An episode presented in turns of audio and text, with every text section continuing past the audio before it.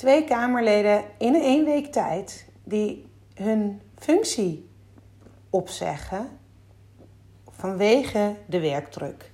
Dat gebeurde de vorige week en het was voor mij aanleiding om een opiniestuk te schrijven voor NRC. En dat stond daarin op dinsdag 18 oktober. Dat kun je ook terugvinden als je met mij connect op LinkedIn. Ehm, daar heb ik hem ook gedeeld. En anders kun je hem online vinden. Daar is hij geloof ik op maandag 17 oktober verschenen. Lees hem vooral en laat mij weten wat jouw visie is. En als je hem al gelezen hebt, of nog niet, luister dan deze podcast. Want hoewel ik zei dat de aanleiding was de Kamerleden, en daar gaat het ook wel over, maar gaat het voor mij dwars door alle politieke partijen heen en dwars door alle politieke geledingen heen. Dus of dat nou lokaal of regionaal of landelijk is. Ook de cirkel eromheen. Maar goed, je moet je ook beperken in je boodschap in zo'n artikel. Maar ik weet dat het ook opgaat voor veel ministeries en organisaties die in en om uh, overheden een rol spelen. Dat werkelijk daar een thema is. En laat ik vooropstellen twee dingen. De eerste is Werkstress is beroepsziekte nummer 1. De politiek is hier volstrekt geen uitzondering in. Bij de politie, in de zorg, in het onderwijs, in het bedrijfsleven. Overal zijn er mensen uitgevallen met een burn-out door te hoge werkdruk. En dat neemt allerlei verschillende vormen aan, uh, die werkdruk. En uh, de impact op mensen is groot. Niet alleen op de maatschappij en op de bedrijven die hun mensen moeten missen, maar vooral op de mensen zelf. Die impact is heel erg groot. Dat onder ken ik. Dat onderschat ik niet. En ik vind ook niet dat ik. Um, dat we een discussie moeten hebben over of het nou in de ene sector erger is dan de andere. Het enige is dat ik dit gebied, de politiek, de politieke arena ken. Dat ik daarin gewerkt heb in de Tweede Kamer en voor de gemeenteraad van Rotterdam. En dat ik nu veel politici of aankomend politici of zittende uh, uh, bijvoorbeeld wethouders coach in diezelfde werkdruk. Dus het is de omgeving die ik ken. Daarom schrijf ik erover. Niet omdat ik um, misken dat dat in andere sectoren ook zo is. En de het andere punt wat ik vooraf wil maken is: waarom schrijf ik nou een opiniestuk hierover? Omdat ik weet en ook heel goed begrijp dat mensen die zelf in de politiek zitten, als zij gaan zeggen: we, de werkdruk is te hoog, dan valt de hele online wereld over ze heen. En dat gebeurde ook afgelopen dagen weer um, zichtbaar. Dat ze vinden, oh, oh, oh, uh, ze krijgen zo'n vergoeding en dan hè, zeuren ze ook nog. Wat denk je van de mensen die het werk doen in de zorg? Alsof, dus ja, dit, ik hakkel en stotter een beetje om. Wat ik eigenlijk wil zeggen is dat politici niet over zichzelf kunnen zeggen dat ze zo, zo onder druk staan omdat ze dan meteen onder vuur liggen, maatschappelijk gezien. Alsof anderen dat niet zouden. Dus daarom snap ik ook heel goed dat zij zelf dat niet uitgebreid gaan delen. En voelde ik mij geroepen om juist als een soort halve insider, maar wel een buitenstaander, denk ik dat ik dat wel kon benoemen. Um, dat is de reden even waarom, als een soort introductie op dit stuk. Het stuk dat ik geschreven heb was een reactie op het feit dat niet alleen nu, maar ook tien jaar geleden er op dit soort discussies over hoe druk hebben we het, uh, hele technische voorstellen komen. Er moet meer ondersteuning komen. Nee, het ministerie moet minder mensen hebben. Um, wat was er nou nog meer? Oh ja, de eindtijd van debatten moet om, moet om 11 uur zijn. Een manier om het aantal moties te verminderen of het aantal debatten. Nou, er zitten allerlei wat ik noem technische voorstellen in, praktische voorstellen.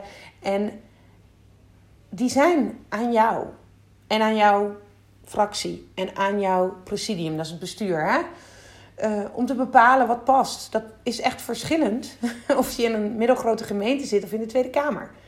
Dus welke keuzes je daarin maakt, hangt er vanaf hoe het nu georganiseerd zijn, welke processen zijn vastgelegd.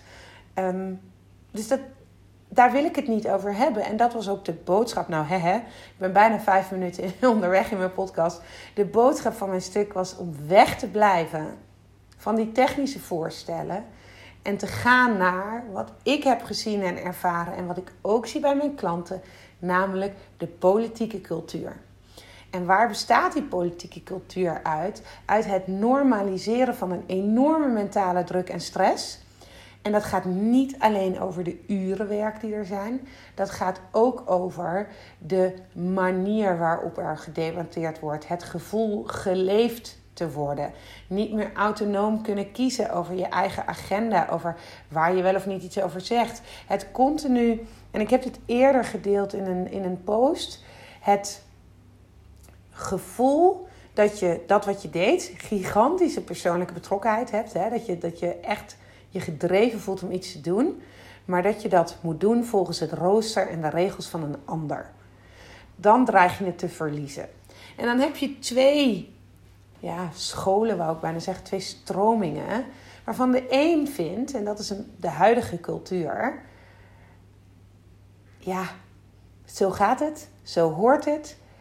Het hoort erbij, die druk. Als je dat niet aan kan, dan ben jij ongeschikt. En die maken dat een hele individuele, persoonlijke kwestie. Alsof als je onder de druk nou, lijdt, dat, je, dat dat je eigen schuld zou gaan. Nou, iedereen die ooit een burn-out heeft gehad of die in een hele overspannen situatie zit, die wil ik op het hart drukken dat dit niets te maken heeft met het wel of niet aankunnen van iets.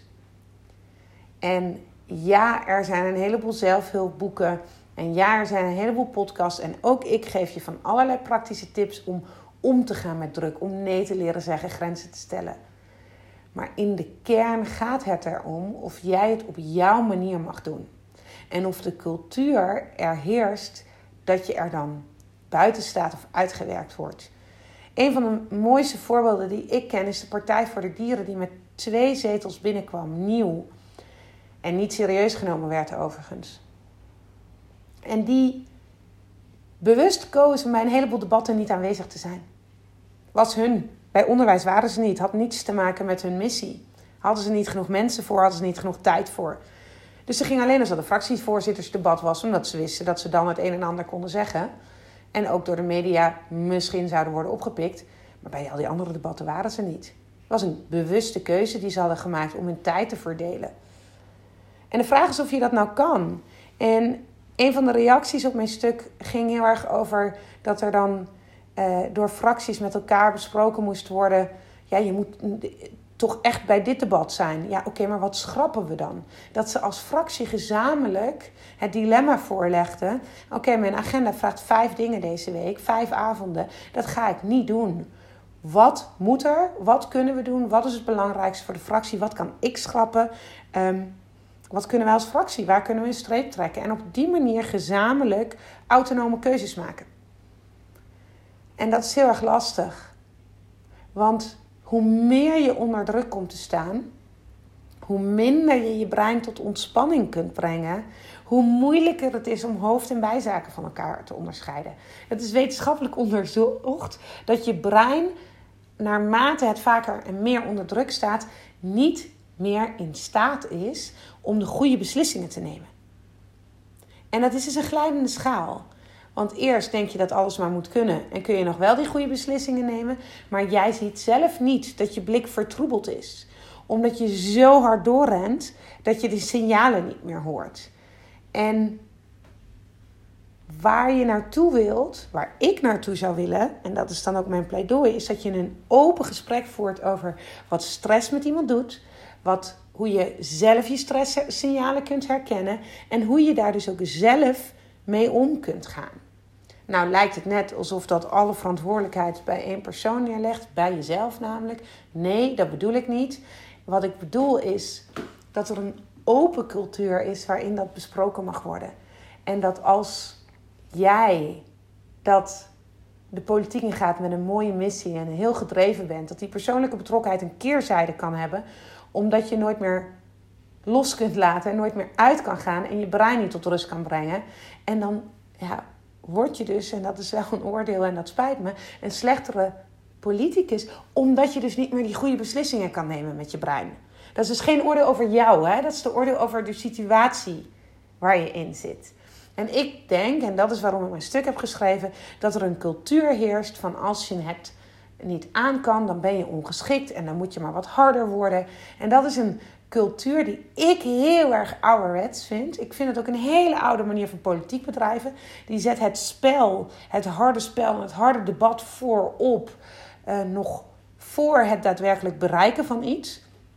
Terwijl, ja, als het goed is, ben jij de politiek ingegaan om een stem te geven aan een bepaalde maatschappelijke verandering.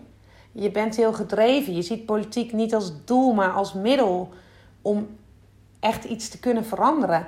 En Liliane Ploemen heeft ooit gezegd: van ja, als je iets wil veranderen, moet je er wel zitten. En dan moet je je dus niet laten afschrikken of wegjagen door die harde cultuur. En in de cijfers zien we gewoon dat mensen of niet de politiek in gaan of afhaken door dit soort aspecten, door de, door de cultuur, door de politieke cultuur. En ik wil deze podcast kort houden, dus ik hou het hier vandaag ook bij. En ik wil je uitnodigen om te reageren via LinkedIn, via e-mail, mag allemaal. En dan ook vragen te stellen, jouw verhaal met mij te delen. Want ik ga het hier nog veel meer over hebben in deze podcast. Want er is hier nog heel veel meer over te zeggen. Voor nu rond ik af. Dankjewel dat je luisterde. En tot de volgende.